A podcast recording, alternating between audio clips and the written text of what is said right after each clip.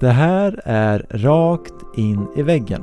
I de här avsnitten som vi kallar för Share your story and knowledge delar poddgäster med sig både av sitt perspektiv av stressrelaterad ohälsa men också av sin kunskap inom ett specifikt ämne i monologform.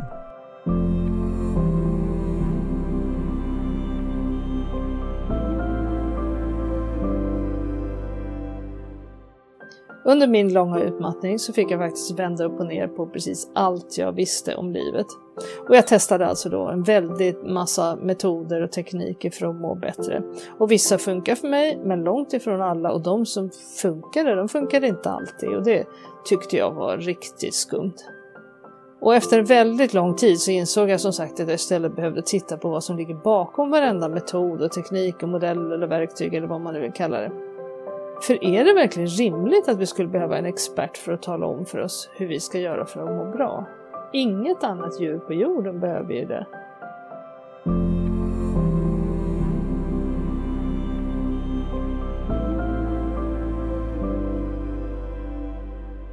Lisa Sjöström om hur den djupa insikten för tänkandets natur gjorde henne upplyst. Hej och hallå! Jag heter Lisa. I fyra år satt jag hemma i soffan och försökte tänka ut hur jag skulle ta mig därifrån. Jag hade gått in i den där berömda väggen och fick ingen vettig hjälp så att eh, jag fick klara mig själv. Och jag läste böcker och jag lyssnade på föreläsningar så mycket jag orkade och jag testade allt jag kom över men jag blev liksom förvirrad av alla metoder och tekniker som liksom tycktes säga emot varandra. Så då började jag titta på vad som låg bakom alla metoder och tekniker istället. Och sen dröjde det inte länge förrän jag mådde riktigt bra.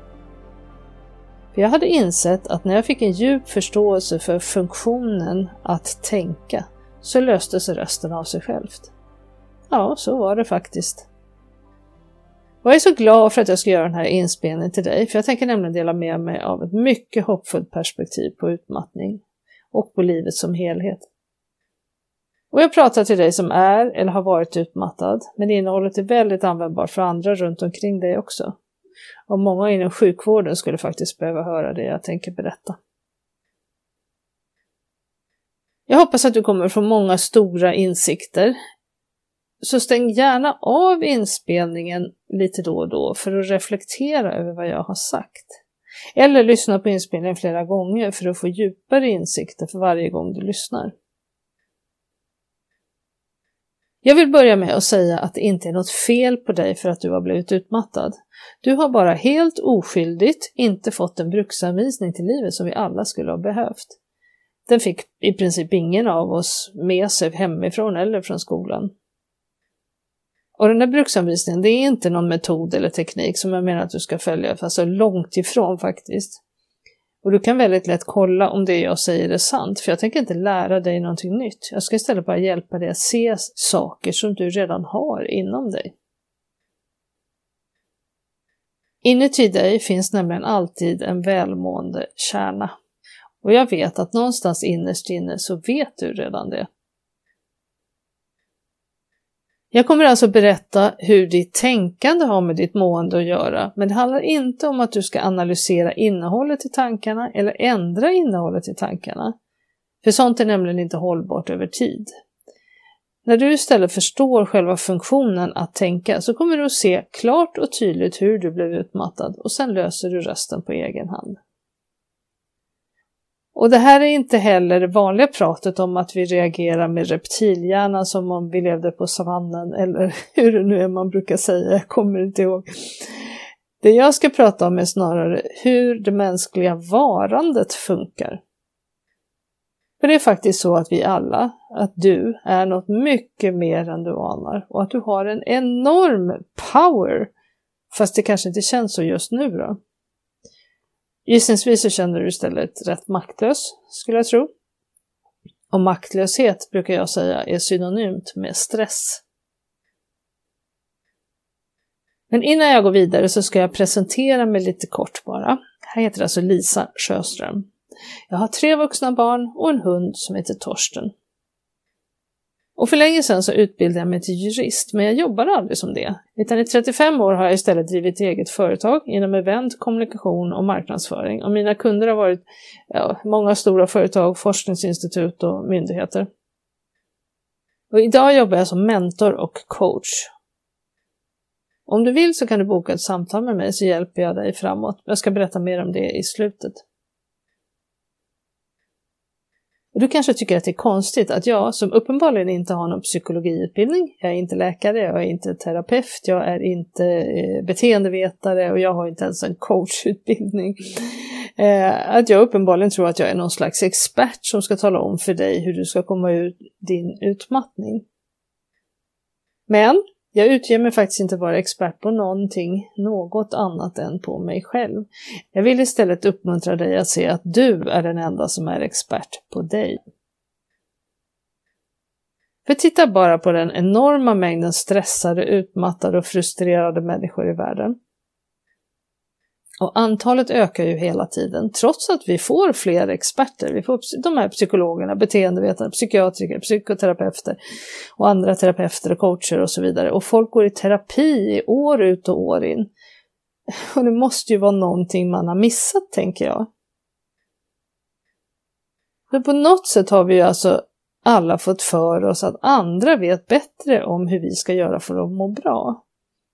Och då så lyssnar vi på de här experterna och så testar vi och så kanske vi konstaterar att en del av det de säger faktiskt funkar. Och då tolkar vi det som att vår egen intuition måste ju vara helt värdelös. Och så lyssnar vi på ännu fler expertråd. Så jag tycker att vi behöver titta på det här från ett helt nytt perspektiv nu. Och som jag ser det så är det alltså du som är den saknade pusselbiten i ditt mående. Men hur kan jag veta allt det här då som jag tänker berätta för dig? Jo, under min långa utmattning så fick jag faktiskt vända upp och ner på precis allt jag visste om livet. Och jag testade alltså då en väldigt massa metoder och tekniker för att må bättre.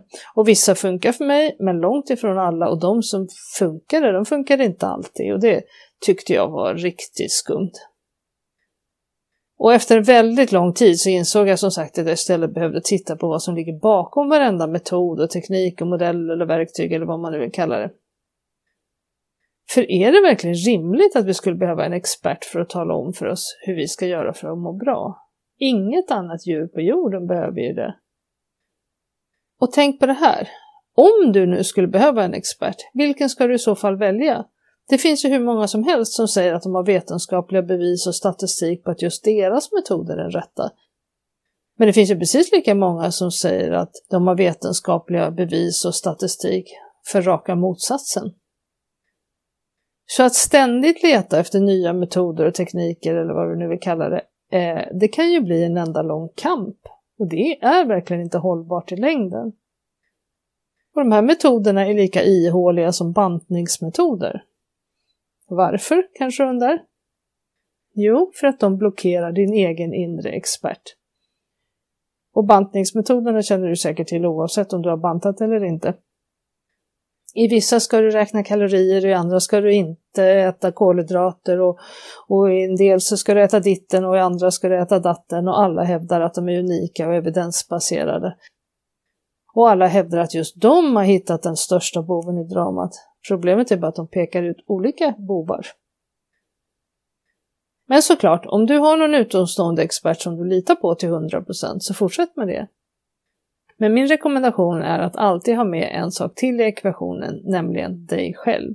För du har den visdom du behöver för att lösa dina problem. Det finns ingen annan som är expert på dig. Så ta gärna råd från andra, men välj med omsorg vilka råd du tar till dig. Att helt och hållet lägga ditt liv i andras händer innebär ju att du ger bort din power. Och då kommer ju maktlösheten och därmed stressen som ett brev på posten. Och var gärna uppmärksam på om experten utgår från att det är något fel på dig och att du måste rättas till, för då tycker jag att du ska dra öronen åt dig. Och tyvärr innebär det att du då får räkna bort de allra flesta experterna. De är nämligen väldigt villiga att sätta en stämpel på dig. Ja, det finns som sagt tusentals metoder och tekniker för att hitta vad som är fel på oss, men de allra flesta får dig bara att hitta ännu fler fel på dig. Sanningen är istället att det inte är något fel på någon av oss. Min egen story kantas av att jag alltid har trott att det är något fel på mig. När jag var liten så var det mina föräldrar som ville rätta till mig. Min vikt var fel, mina åsikter var fel, mina intressen var fel och vad jag åt var fel och hur jag åt var fel och, och hur mycket jag åt var också fel och mitt humör var fel och min klädsmak var fel och så vidare. Det gjorde ju att jag senare snokade upp hur många metoder som helst som bekräftade att jag måste fixa till allt som var fel på mig. Jag måste lösa upp alla blockeringar, jag måste tänka rätt, jag måste lära mig vara positiv eller något sånt. Men oavsett vad den här metoden handlade om så var alltså själva grundtanken att det var något fel på mig.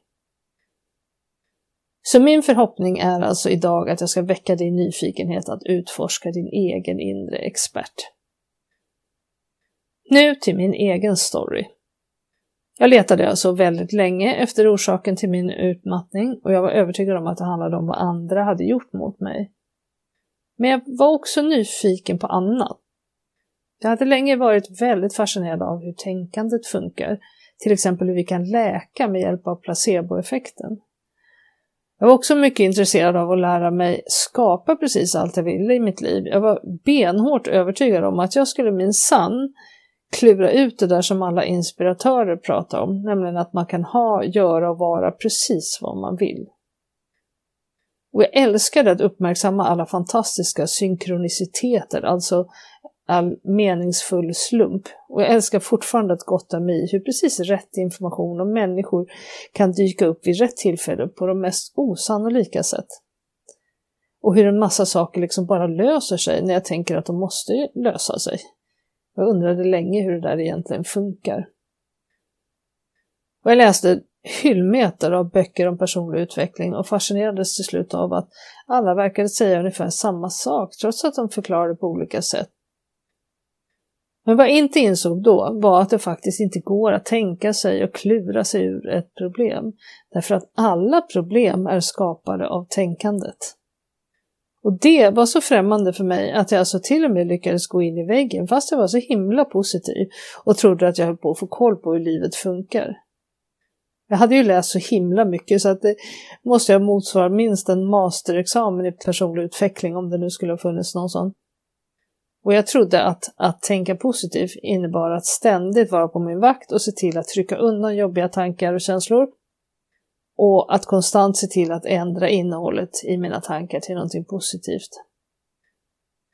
Och det är såklart inte fel på att tänka positivt.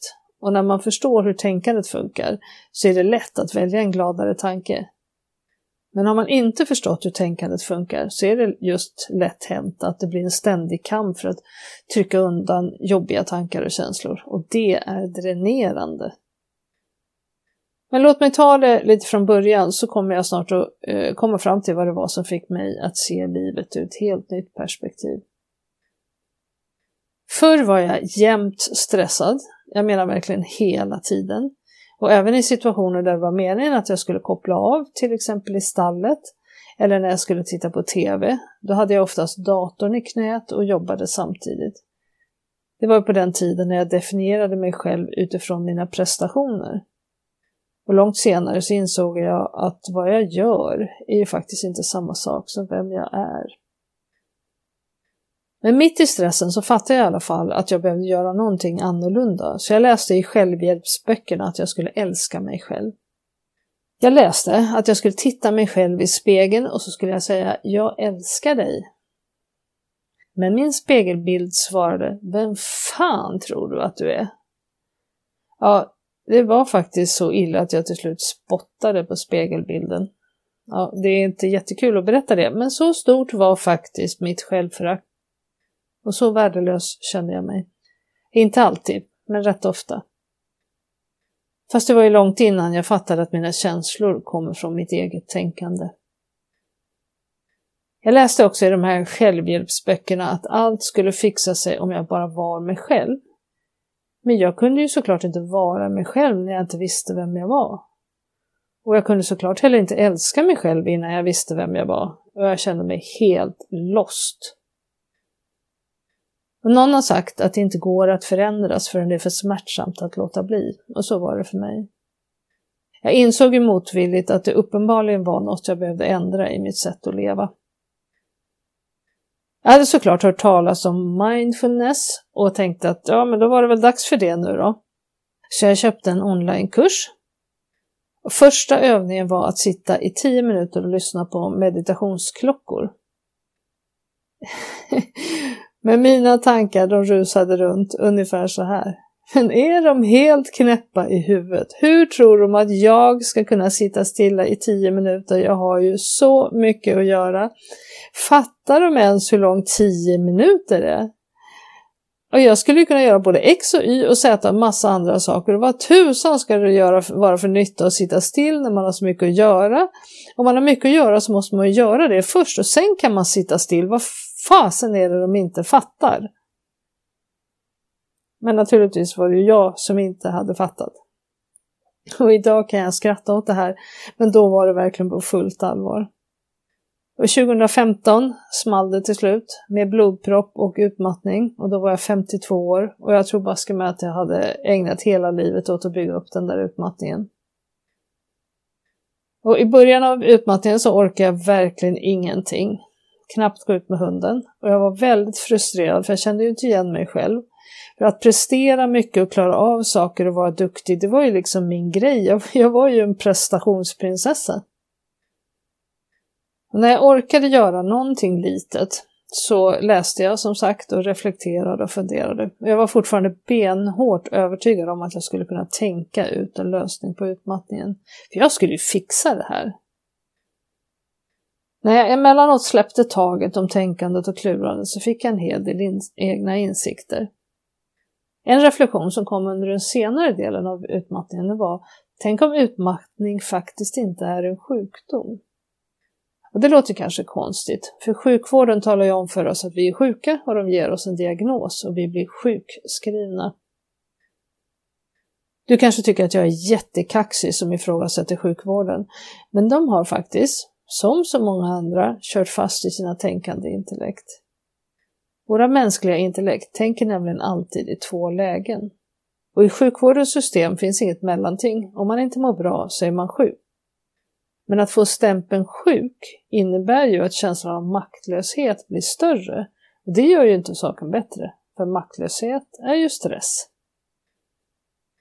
De tycks också ha kört fast i vad orsaken till utmattning skulle vara. Det räcker med en snabb googling för att konstatera att sjukvården och olika utbildningar inom arbetshälsa och faktiskt även stressforskare fortfarande fokuserar på att utmattning kommer från arbetsmiljön och från för mycket arbete. Det finns några få variationer, några få, lite olika variationer på orsakerna. Men alla är i alla fall helt överens om att stressen kommer från omständigheterna utanför oss, omständigheterna runt omkring oss. Och därför så kommer de aldrig att kunna lösa problemet. Om vi börjar med att titta på om orsaken enbart skulle vara hög arbetsbelastning så är det faktiskt så att arbete i sig inte gör någon utmattad. Och arbete kan visserligen göra oss trötta, men den tröttheten går faktiskt att vila bort. Så hög arbetsbelastning kan faktiskt omöjligt vara den, den egentliga orsaken till utmattning. Om vi istället tittar inåt, inuti oss själva, så kommer vi hitta svaret. Men ingen jag träffade inom vården frågade mig de frågor som jag idag vet att jag skulle ha behövt. Till exempel varför kände jag mig maktlös? Varför upplevde jag det som att jag hade så mycket att göra att jag inte kunde koppla av? Och varför trodde jag att jag inte kunde bestämma över mitt eget liv? Först gick jag till en psykolog på vårdcentralen, men det gav mig i princip ingenting. Så jag bytte till en psykoterapeut istället och sa att jag ville faktiskt förstå varför jag hade blivit utmattad. Men något varför, det skulle vi inte gå in på, för det ingick inte i riktlinjerna för hennes arbete. Vissa är mer stresskänsliga än andra bara, sa hon. Vilket skitsnack! Och vi pratade aldrig om att hur jag använde mitt tänkande skulle ha någonting med saken att göra. Har du förresten lagt märke till att man brukar använda ordet stresskänslig som något negativt? En stresskänslig person anses vara svag och inte klara av sånt som man borde klara. Och i jobbannonserna står det att man ska tåla en hög stressnivå. Men hallå! Vad kan vara bättre än att vara känslig mot stress? Det är det sundaste som finns. Så heja dig och heja mig och alla andra utmattade för att vi är känsliga mot stress. Det är ju ett rop från experten inom oss själva. De allra flesta utmattade får höra av sjukvården att det bara är att vila och sen så komma tillbaka. Men det är också en tankevurpa, för vi ska inte tillbaka överhuvudtaget. Vi ska inte tillbaka till det liv vi hade förut. Vi ska istället lyssna på utmattningen och gå åt precis det håll den pekar, nämligen till våra ursprungliga jag, alltså de vi var innan vi började tro att vi urskillningslöst måste följa andras normer och råd. Så som jag ser det så handlar hela utmattningen om att du ska komma tillbaka till dig själv, till den du egentligen är, till den du har försökt att springa ifrån. Och det är den som inte alls är maktlös utan lever ett liv utifrån egna val men i skön samvaro med andra. Att leva ett liv där du jagar och jagar och jagar och försöker prestera mer för att passa in och tror att om du bara gör, gör det och sen gör du det och sen gör du det och då kommer allting göra att du blir lycklig sen. Men det gör ju bara att du springer ännu längre bort från dig själv. Och tänk vilken tur att livet faktiskt inte låter dig springa ifrån dig själv. Utmattning är alltså en mycket sund reaktion och jag är väldigt tacksam för att livet sa till mig att det var dags att utforska hur livet egentligen funkar. Men okej, okay, varför blev jag utmattad då? Ja, det fick jag ju alltså ta reda på själv. Och att orsaken till min utmattning skulle bero på arbetsbelastning, det hade jag alltså redan lagt åt sidan. Men jag är ju egenföretagare och jobbade mycket, men jag väljer ju faktiskt själv vilka projekt jag vill jobba med och jag gillar friheten i mitt jobb och ja, det fanns ju uppenbarligen ingen chef eller några kollegor att skylla på. Till en början så var jag istället övertygad om att min utmattning hade med min barndom att göra.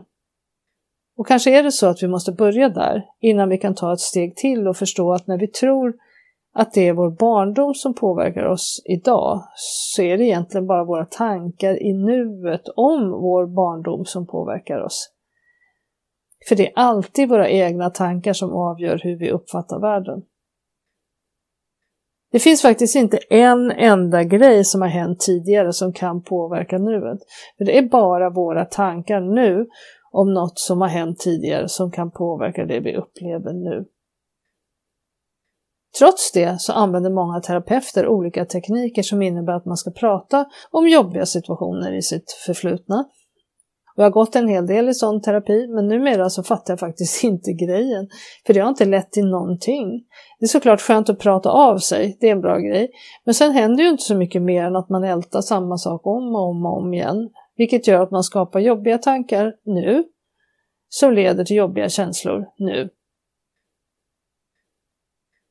Men låt oss börja där ändå, alltså i barndomen, med de övertygelser och de strategier vi skaffar oss när vi är små. För det kan ändå ge en liten fingervisning om varför vi har de tankar vi har. Inte för att det egentligen behövs, men att det kan vara en väg att komma fram till förståelsen av hur tänkandet funkar. När jag var liten så valde jag att fortsätta med det beteende som gav minst obehag i stunden. Men när pappa blev arg eller suckade åt mig, kanske bara för att jag visade mig, så lade jag det på minnet. Och när jag fick positiva uppskattningar för att jag var duktig eller pluggade hårt, ja men då lade jag ju det på minnet. Och när mamma ständigt rättade till mig, både mitt utseende och hur jag pratade och vad jag gjorde, så lade jag ju även det på minnet. Då. Jag gjorde allt det där till strategier som jag använde för att passa in och bli accepterad. Problemet var att jag sen fortsatte med samma strategi när jag blev vuxen utan att tänka på att jag som vuxen faktiskt kan, är helt fri att välja vilka strategier jag vill.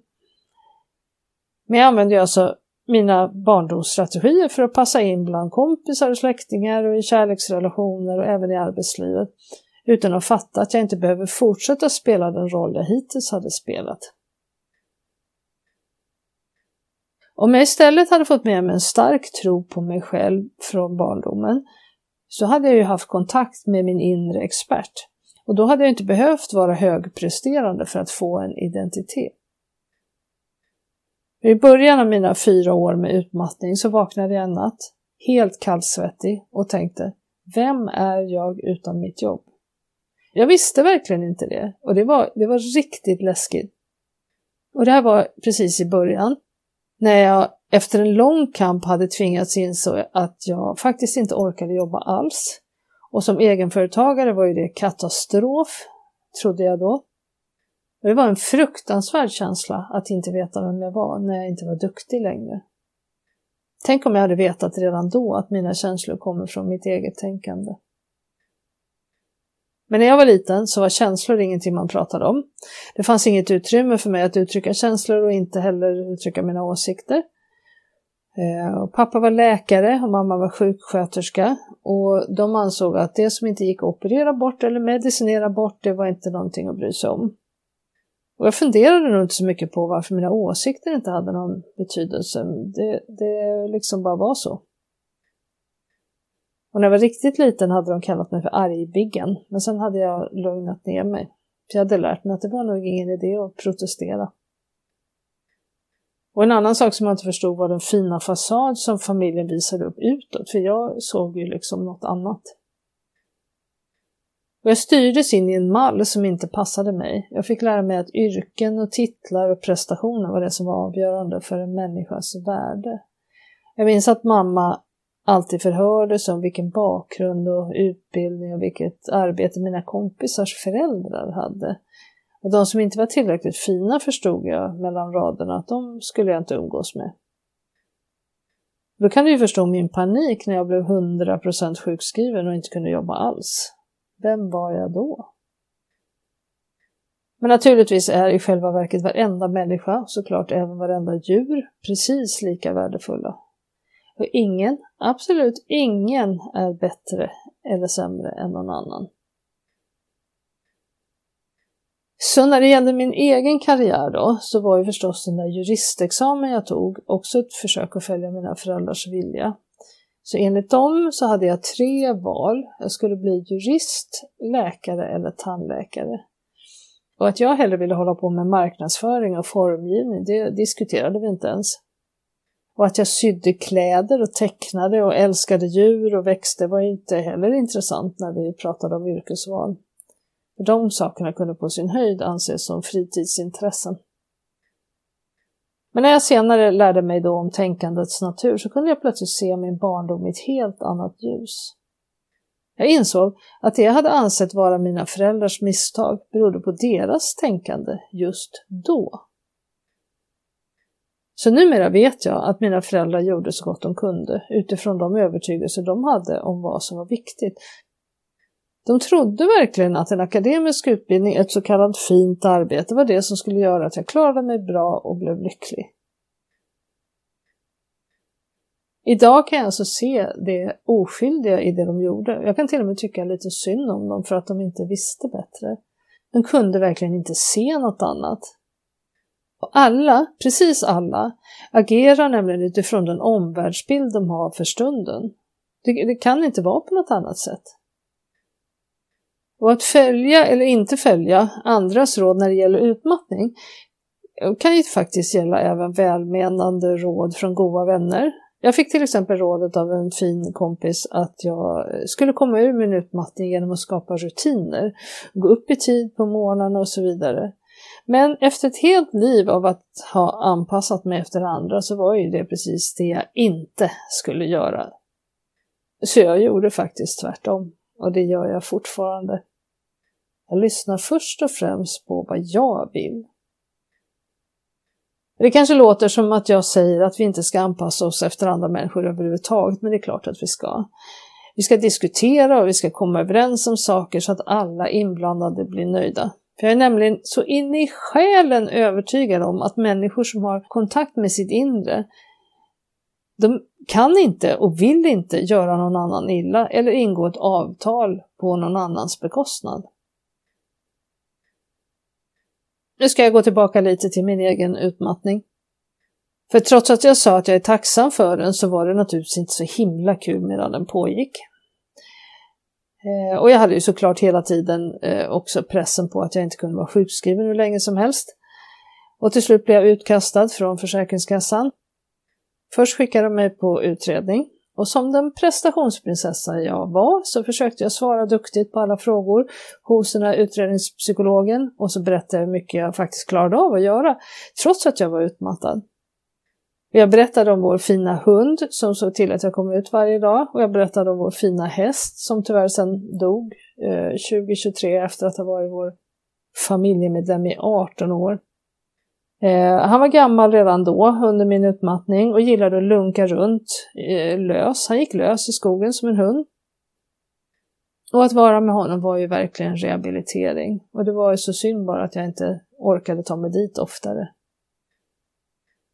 Men det var ju tydligen inte allt som jag berättade för den här utredningspsykologen som hamnade i hennes anteckningar. Så hon missade ju helt att jag hade berättat om hur totalt orkeslös jag var de där dagarna när jag inte, när jag inte orkade göra någonting. För sen kom nämligen ett besked från Försäkringskassan att de ansåg att jag kunde jobba 100% eftersom jag ägde en häst och en hund. Och det stod faktiskt så ordagrant i deras beslut. Och deras bild av en häst kanske var en kapplöpningshäst som behöver extremt hård träning varje dag, inte vet jag. Men snacka om att de trodde helt och fullt på de slutsatser som deras egna tänkanden hade dragit.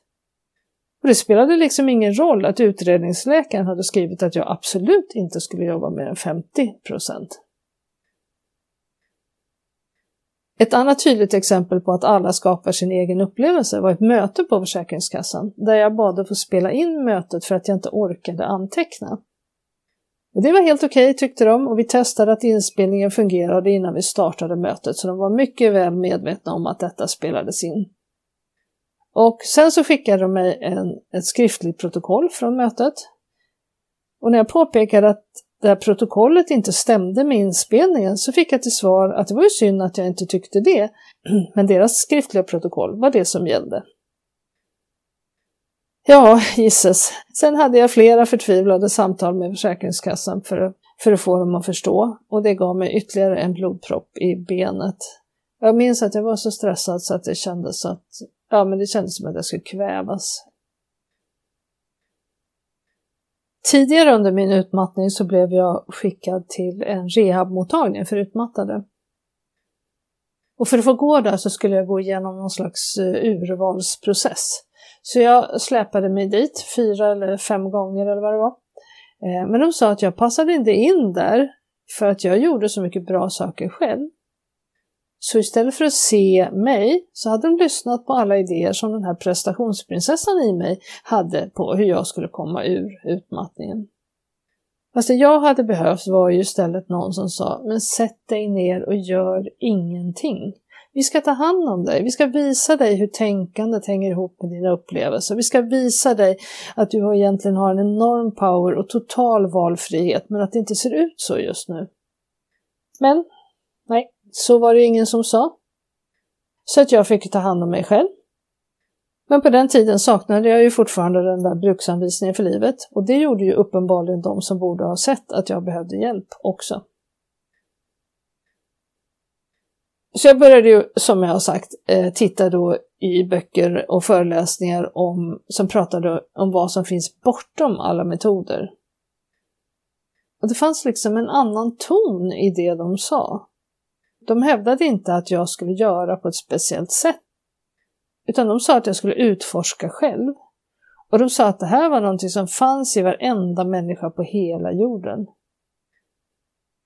Så nu ska jag berätta för dig om den här bruksanvisningen. Fast det är förstås inte egentligen en bruksanvisning, utan det är några ganska enkla fakta om tänkandets natur.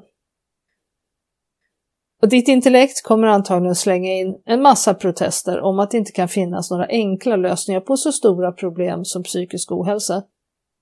Men strunta i de protesterna och utforska istället det jag säger i ditt eget liv.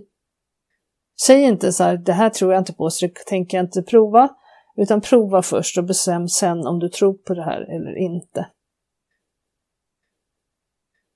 Så när jag nu ska berätta så vill jag att du inte hänger upp dig på orden, för det finns typ tusen olika sätt att prata om det här. Och de ord som jag väljer kanske inte passar dig. Lyssna istället med ditt inre och sätt sen vilka ord du vill på mitt budskap, för annars kommer ditt intellekt bara att krångla till det. Okej? Okay? Okej. Okay. Förmodligen är du lika van som jag var att lita på ditt tänkande intellekt, men det går alltså inte att tänka ut en lösning på stress. Inte på något annat problem heller för den delen. För stressen och problemen är skapade av tänkandet. Lösningen finns istället i pauserna mellan tankarna, i varandet. Och det är där du hittar befrielsen från utmattningen. Det är som att komma hem. Och det här förstår som sagt inte det tänkande intellektet, för så länge det inte får veta varför det ska kliva ur vägen så kommer det inte att göra det. Mitt ihärdiga intellekt vägrade ju till exempel den där mindfulnesskursen för att det inte fattade vad det, vad det skulle vara bra för helt enkelt. Redan före min utmattning så hade jag läst om att det skulle finnas någon slags tillstånd som var nästan som en, ja, som en magisk portal. Om man var i det här tillståndet så skulle man kunna läka både fysiskt och psykiskt och dessutom skapa precis vad man vill i livet. Men hur sjutton skulle jag kunna komma dit? Och jag klurade och klurade. Men du har ju säkert redan fattat att det såklart inte går att klura sig dit. Och det går inte att använda intellektet för att ta sig dit. För det är ju intellektet som blockerar det. Och det där tillståndet finns alltså mellan tankarna. Men hur skulle jag kunna veta det när jag trodde att problem bara kunde lösas med hjälp av ihärdiga tankar? Och intellektet kan omöjligt begripa att saker kan lösa sig av sig själva när intellektet inte är inblandat. Och att tänka så intensivt som jag gjorde på att lösa problem, det var väldigt dränerande.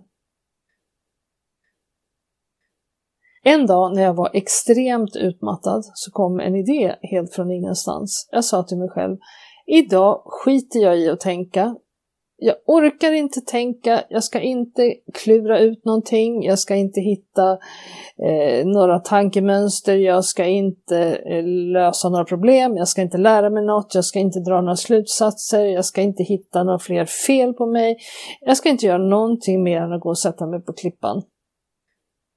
Och jag orkade knappt packa en matsäck, men jag tog mig iväg till slut i alla fall. Och då upptäckte jag något helt fantastiskt. Jag hade hittat den här, ja men kalla den då portalen. Efter alla dessa år av strävande och letande så fanns den ju där. Lugnet och friheten från stressen. Den hade ju funnits här hela tiden.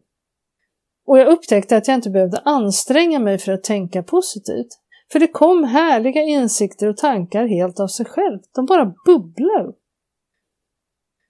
Och sedan dess så brukar jag kalla sådana här stunder av icke-tänkande för att jag hälsar på inne hos mig själv.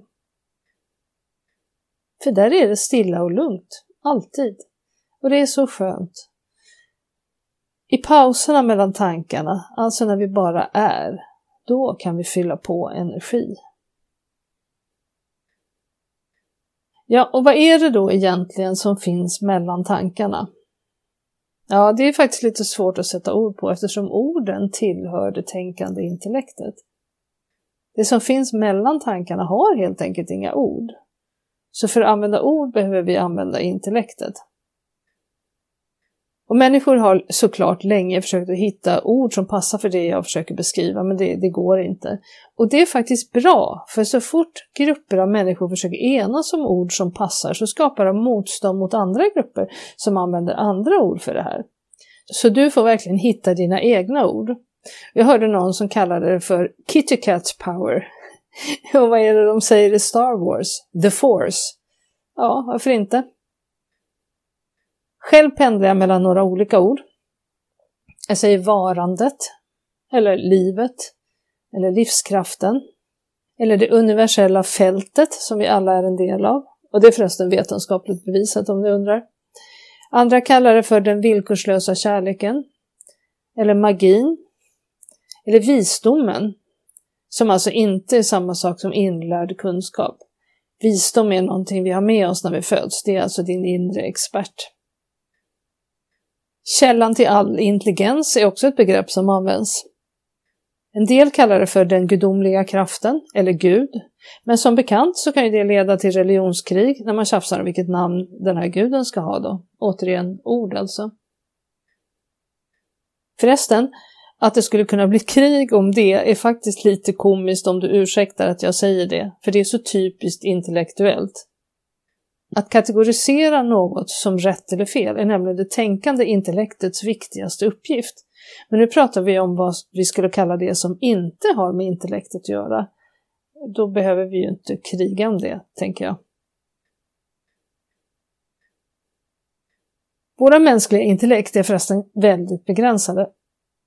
Neurokirurg och författare Eben Alexander, han har sagt att vi ska faktiskt vara glada att vi är medvetna trots att vi har hjärnor. Han har också sagt att våra hjärnor bara är ett filter som sorterar en massa information från det där, vad du nu vill kalla det då, fältet eller visdomen eller livskraften eller något. Men oavsett vad du kallar det så är det i alla fall en intelligent livskraft. Och den livskraften är helt fokuserad på att livet ska vara bra. Själva livet vill alltså bli bra. Och det märks ju tydligt eftersom det bubblar upp härliga känslor och nya tankar och idéer när vi släpper taget om det tänkande intellektet. Lade du förresten märke till att när jag berättade om den där dagen när jag sa till mig själv att nu skiter jag i att tänka, så sa jag att det var en idé som kom från ingenstans. Vet du varifrån sådana idéer kommer? Mm, just det.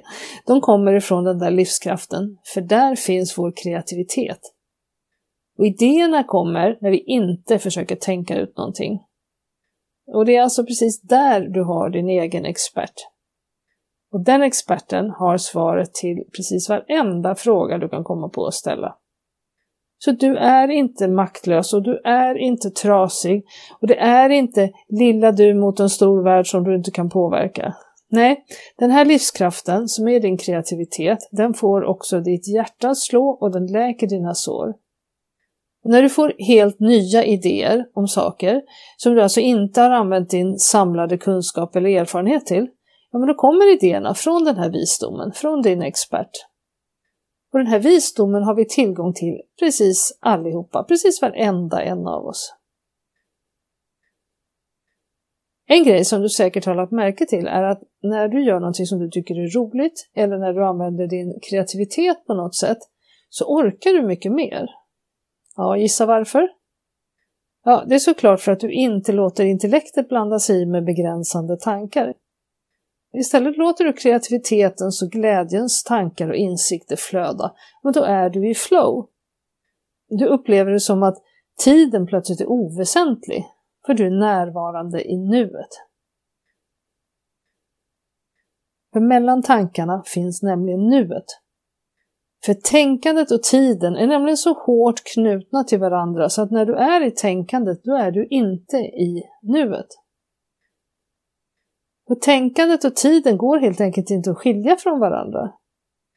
För det är nämligen intellektet som har hittat på tiden och därför vill det försvara det och därför hatar tänkandet nuet. Men egentligen så är ju nuet det enda som finns. Och precis allt annat är tankar om dåtid eller tankar om en fantiserad framtid. Och inget av det finns ju här just nu. Och så fort du lämnar nuet så kostar det energi. Och det är i nuet du hittar energin som du letar efter. Och det är i nuet är det lugnt och skönt och där finns ingen stress. Med andra ord så kan man uttrycka det här som att tänkandet alltid försöker sätta nuet på en tidslinje, alltså i ett sammanhang. Ett exempel på det är att om du vaknar på morgonen och känner dig trött så konstaterar tänkandet direkt att det här kommer att bli en skitdag. Och det lägger till en dåtid och säger att jag har varit utmattad så länge nu. Och dessutom lägger det till en framtid. Så det här kommer att ta evigheter innan jag mår bra igen. Tänkandet drar dessutom oftast felaktiga slutsatser, för tänkandet har alltid en förvrängd bild av nuet. Det ser ju nuet genom ett filter av vad som har hänt tidigare. Tänkandet berättar därför aldrig sanningen faktiskt. Och framförallt så har du ju ingen aning om vad som kommer hända i framtiden, för det har ju faktiskt ingen. Tänkandet bara tror det. Så, kan du vara 100% säker på att du är utmattad imorgon också? Och nästa vecka? Förklaringen till varför det blir så här finns i tänkandets natur. För så här funkar det. Vi tänker, känner och drar en slutsats. Tänker, känner och drar en slutsats om och om och om igen, precis hela tiden. Slutsatsen kan ju då handla om att konstatera hur något är, det vill säga då hur sammanhanget, alltså den här tidslinjen ser ut. Till exempel, jag är helt värdelös på det här, det har jag alltid varit och det kommer jag alltid att vara. Eller så handlar slutsatsen om att något måste göras, till exempel hitta lösningen på ett problem. Nuet däremot, där det inte finns något tänkande, det tar faktiskt hand om sig självt och löser alla problem. Eller snarare så är det så att det visar att det faktiskt inte finns några problem, för alla problem är skapade av tänkandet. Tänkandet älskar nämligen problem och ser till att hitta problem i precis allting genom att fokusera på något annat än nuet. Men om du tittar riktigt noga på vad som pågår här så går det ju faktiskt inte att hantera något som inte finns här nu. För hur ska du kunna lösa ett problem nu som fanns i dåtiden eller finns i en fantiserad framtid? Det går ju faktiskt inte. Ja, la du förresten märke till att jag sa tänker, känner och drar en slutsats i den ordningen? Att känslorna alltså kommer efter tankarna. Jag har redan nämnt det några gånger, men för att verkligen förtydliga det så är det alltså så att våra känslor kommer från våra egna tankar. Och du trodde antagligen, precis som jag trodde tidigare, och som större delen av jordens befolkning tror, att dina upplevelser skapas av världen runt omkring dig. Men sanningen är att ingen kan komma in i ditt tänkande, för det kan bara du. Det finns alltså inte någon objektiv verklighet. Alla skapar sin helt egna värld. Och bara det i sig minskar ju stressen eftersom stress ofta bygger på upplevda krav från omgivningen. Och jag sa upplevda, för det finns ju ingen som kan bestämma hur du ska reagera. Och när jag fattade det här, då kunde jag ju ta ett steg tillbaka och betrakta min egen stress. Då kunde jag ju se att jag egentligen aldrig hade varit stressad utan att jag hade haft stressande tankar. Hur känns det för dig när jag säger det? Jag vill förtydliga en sak om känslor. Jag menar inte att bara för att vi vet att känslorna kommer från våra egna tankar så ska vi trycka undan jobbiga känslor och säga ja, ja, ja, det där var ju bara en tanke. Ja, vi ska bara förstå varifrån känslorna kommer, från tankarna. Känslorna ska inte hanteras, de är till för att kännas. Det finns ingen lösning på känslor. Och därför är det ju faktiskt spännande att så många, och även terapeuter då, säger att vi måste lära oss att hantera våra känslor. Nej, känslor ska kännas. Att gråta är skönt och att skratta är skönt och att bli riktigt jäkla förbannad ger oss power att ta tag i saker. Och självklart ska vi prata om jobbiga saker som har hänt och gå igenom eventuell smärta. Vi ska se den och acceptera den. Men notera att det enda som finns kvar nu är tankar om det som hände förr. Att veta att det snart kommer en ny tanke som skapar en ny känsla gör det hela väldigt mycket lättare och gör dessutom att känslorna inte blir så himla starka, för vi känner oss inte maktlösa av dem. Och när man förstår varifrån känslorna kommer, då behöver man inte agera på dem, men kanske fråga sig vilken tanke ledde till den här känslan? Och känslorna ska heller inte medicineras bort om du frågar mig, men det finns såklart många olika synpunkter om det, det är jag fullständigt medveten om. Och självklart kan det finnas speciella fall när man behöver antidepressiv medicin. Men jag är säker på att det är många som skulle klara sig utan medicin om de fick förståelse för hur tänkandet funkar. Och jag blev uppriktigt ledsen när jag hörde från en person i min bekantskapskrets att en ung människa som sökte samtalshjälp för att hantera sin mammas bortgång blev hemskickad med ett recept men utan samtalshjälp. Känslorna är ju alltså en bra grej och de kan användas som ett guidningssystem. Författaren och inspiratören Eckart Tolle säger Så snart du lägger märke till någon form av negativitet i dig, se det inte som ett misslyckande utan som en hjälpande signal som talar om för dig Vakna, sluta tänk så mycket, var närvarande. Känslorna är alltså våra egna inre experter som hjälper oss. Varför försöker vi bli av med dem? En gång hade jag ett coachingsamtal med en kille som hade suttit i fängelse i ett år för misshandel. Och vi pratade om hur tänkandet funkar, ungefär som jag pratar om det här idag. Sen frågade jag honom om han inte hade fått träffa någon, någon terapeut i fängelset. Jo då, han hade träffat en psykolog, men med henne hade han aldrig pratat om sånt här, sa han. Och häromdagen så lyssnade jag på ett inspelat webbinar med en man som efter 30 års kriminalitet hade lyssnat på någon som berättade om det här som jag berättar för dig nu. Och det hade förändrat hans liv totalt och han jobbar nu som föreläsare och coach. Ja, det finns faktiskt oräkneliga berättelser om alkoholister som plötsligt slutar dricka när de får den här förståelsen. När de ser plötsligt att de bara hade försökt springa ifrån sina tankar. Och folk slutar att vara aggressiva och relationer läker när de inblandade inser att deras tankar skapade missförstånden. Och tvångssyndrom och depressioner går över på en dag. Och för ett tag sedan pratade jag med en ung tjej som har varit deprimerad i många år och hon hade insett just den där, den där enda lilla grejen att det som hände förr inte finns här just nu. Och det har faktiskt gett henne ett helt nytt liv. Folk säger ofta att allting är så komplext, men det är det inte. Och de som säger det har faktiskt bara fastnat i sitt tänkande intellekt. Och som jag sa så älskar intellektet problem och hittar så många problem det bara kan. Så för intellektet är allt komplext, men inte för livet. När jag själv insåg att mina känslor kom från mina egna tankar så kände jag en enorm befrielse. Och det sköna var att insikten inte kom med någon känsla av ånger, typ att jag skulle ha slösat bort en massa år eller något sånt, utan med en skön känsla av att nu ska jag skapa precis vad jag vill. Och nu äntligen har jag fattat hur livet funkar. Fast egentligen kanske vi inte kan greppa livets magi helt och hållet eftersom våra mänskliga intellekt är så begränsade, men okej, okay, någorlunda i alla fall. Jag har i alla fall insett att jag kan tänka precis vilken tanke jag vill, när jag vill och därmed uppleva precis vad jag vill. Jag önskar av hela mitt hjärta att du hörde storheten i det jag just sa. Du kan när som helst välja en tanke som får dig att uppleva något annat. Jag sa i början att du har alla resurser du behöver för att testa om det jag säger är sant. Sen när du har lyssnat klart så kan du testa och tänka på någonting som du gillar, något härligt, mysigt eller kul. Och sen lägga märke till hur det känns i kroppen. Sen kan du tänka på något jobbigt istället. Vad kommer det för känslor då?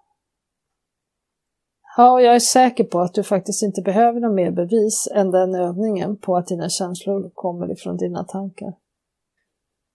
När du gör den övningen så kan du också reflektera över om de saker eller händelser eller personer du tänkte på var i din närhet just när du tänkte på dem.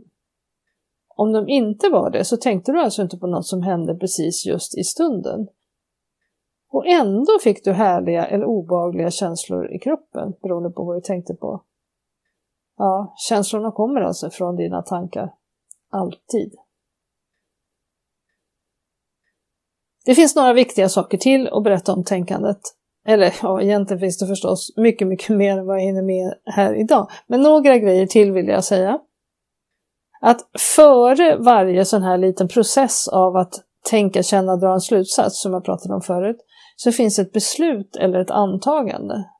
Och det här är så coolt. För tänkandet och kännandet och slutsatsen kommer helt automatiskt baserat på det här beslutet eller antagandet.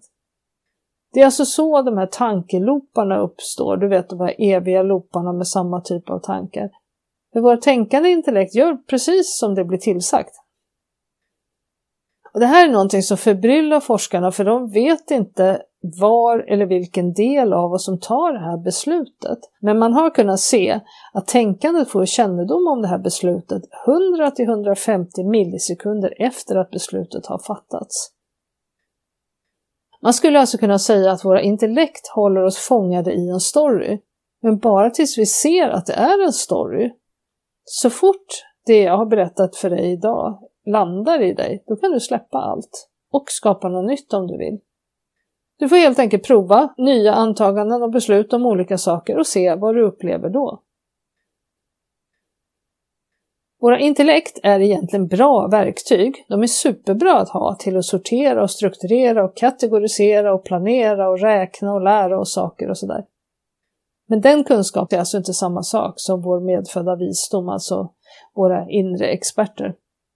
Men låt inte intellektet, det här verktyget, ta över din värld.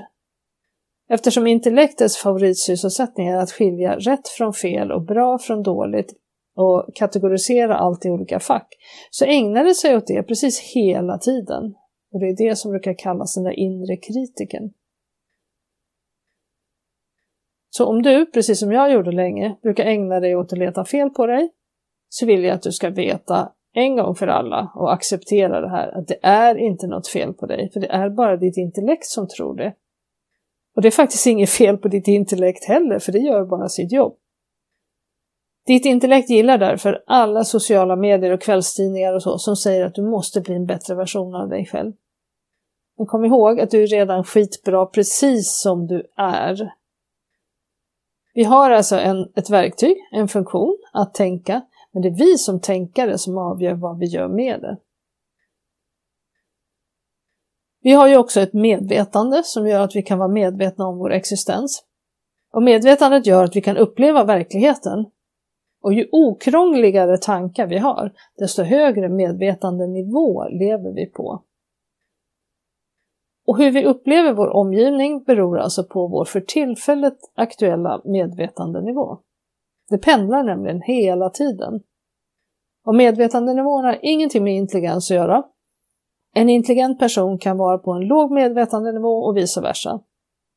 Och ordet medvetandenivå har heller ingenting med kunskap att göra. Det är alltså inte samma sak som begreppet att vara medveten om någonting.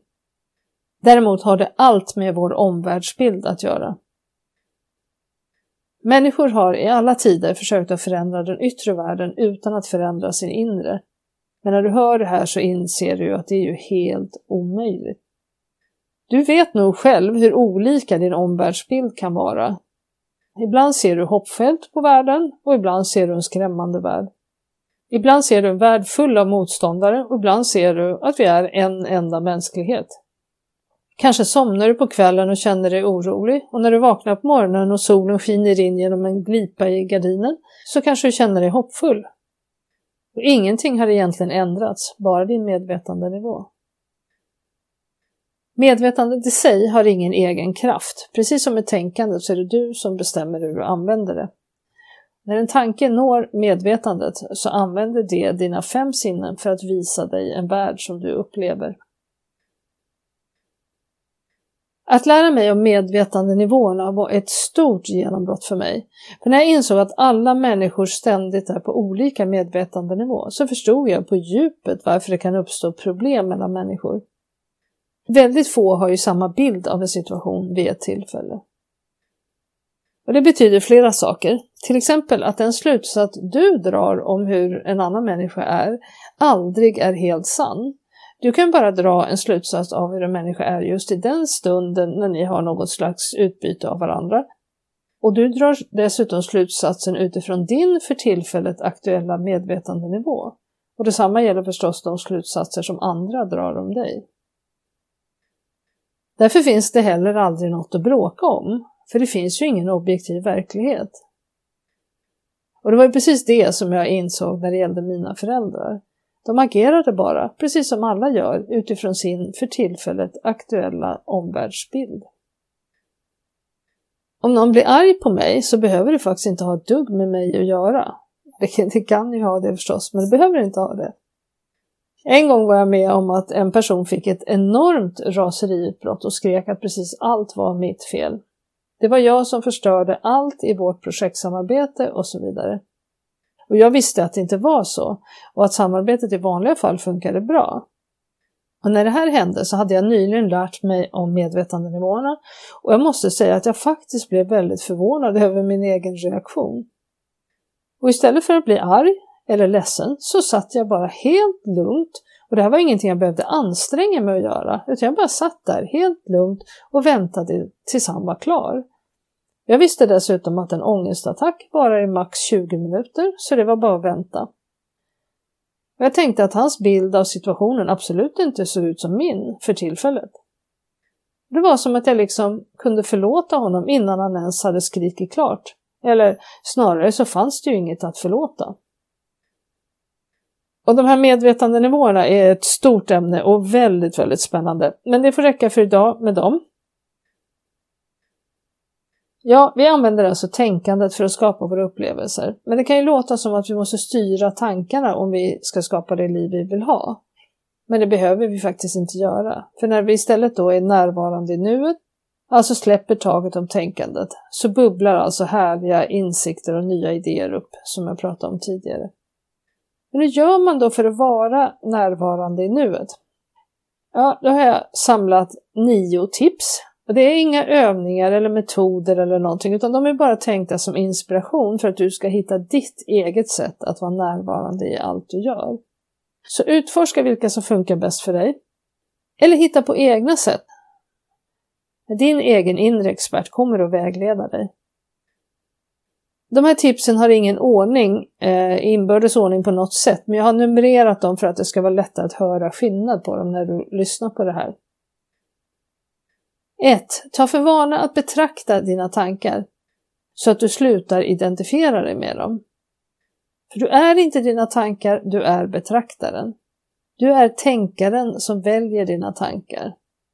Behöver du kroka tag i en tanke och spinna vidare på den eller kan du låta den passera? Du kan blunda och fråga dig, vilken blir min nästa tanke? Och kanske blir det då en paus mellan tankarna. 2. Upplev alla detaljer i nuet genom att beskriva det. Till exempel, nu duschar jag, det rinner varmt vatten på kroppen. Eller, nu lyfter jag min tekopp och smakar på teet. Eller, nu tittar jag ut genom fönstret, eller vad det nu är. Någonting. För du kan inte tänka linjära tankar samtidigt som du observerar nuet. Däremot är det fullt möjligt att både duscha, dricka te och titta ut genom fönstret utan att vara närvarande överhuvudtaget. 3. Fråga dig då och då, hur kan jag vara mer närvarande i det jag gör just nu? Observera då också tänkandets vana att fly från nuet. 4. Fråga dig då och då, är jag i nuet nu? Och det coola är att då är du det. 5. Stanna upp och känn kroppen. Känn surret, livsenergin som finns i hela kroppen. Och vad hände med tankarna medan du kände det här? 6. Om du har svårt att sitta still, testa att röra dig riktigt långsamt, alltså långsamt, riktigt, riktigt långsamt, så går tänkandet också långsamt. Och då får du vila. Jag menar alltså extremt långsamt. Hur långsamt kan du lyfta en tekopp från bordet till munnen? 7. Lägg märke till att tänkandet alltid formulerar sig med meningar, alltså ord i följd som i ett samtal. Det är det som är skillnaden på när du tänker och när du bara är och upplever nuet. 8. Man brukar jämföra tankar med moln. Låt dem passera, för det kommer ju alltid nya. Och placera dig själv ovanför molnen, för där är himlen alltid blå och där ser du allting klart. 9. Man brukar också prata om att lyssna inåt, men vad betyder det egentligen? Ja, det handlar helt enkelt om vad du vill uppleva just nu, alltså i minsta detalj. Vill du kanske klia dig på huvudet? Eller känna smaken av choklad? Så små, små detaljer räcker för att hjälpa dig att vara i nuet. Ja, utan närvaro i nuet missar vi alltså livets mirakel, både de stora och de små. Det största miraklet av dem alla tycker jag är just att glädjen och kreativiteten bubblar upp helt av sig själv när vi är närvarande i nuet. Jag vet att jag har sagt det många gånger nu, men hur magiskt är inte det? Det i sig är ju verkligen bevis på att det är tänkande som ställer till alla våra problem. Och att vara i nuet, eller icke-tänkandet, är alltså inte någon tillfällig flykt från en verklig värld som du sen måste gå tillbaka till för att lösa problemen. Nej, i samma sekund som du går in i varandet eller nuet så är ju problemen lösta, för de är ju bara tankar. Det är fullkomligt magiskt, alltså du bara måste utforska det här. För allt finns inuti dig just nu. All lycka du har önskat dig, all glädje, all hälsa, all trygghet, allt finns inom dig. Ja, nu börjar det bli dags att runda av.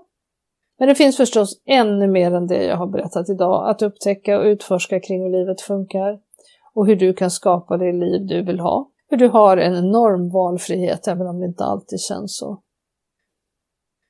Om du vill får du gärna anlita mig som mentor och utforska mer om det jag har pratat om idag och hur det funkar i ditt liv.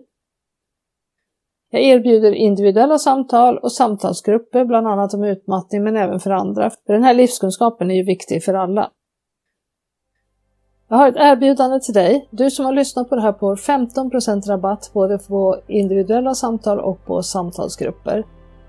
Och du kan mejla mig på lisa growingtogether.se och Du hittar mer information om vad jag gör på growingtogether.se där kan du också skriva upp dig som prenumerant på ett inspirationsbrev och gå med i Growing Together Community där vi delar egna och andras idéer och vi har lägereldar, både digitala och fysiska, där vi reflekterar tillsammans och en massa, massa annat spännande.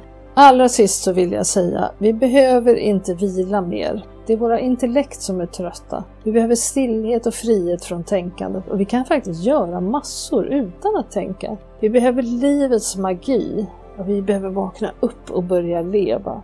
Och kom ihåg nu att det är du som är experten i ditt liv. Jag säger hej så länge och hoppas att vi får anledning att höras förr eller senare. Hej hej! Vill du också medverka i Rakt in i väggens podcast? Besök vår hemsida för mer information på www.raktinivaggen.com medverkan. Om du vill tipsa oss om en poddgäst eller om du har en fråga eller synpunkt på det vi gör kan du alltid mejla oss på podcast raktinivaggen.com för att få svar. Tack för att du lyssnar!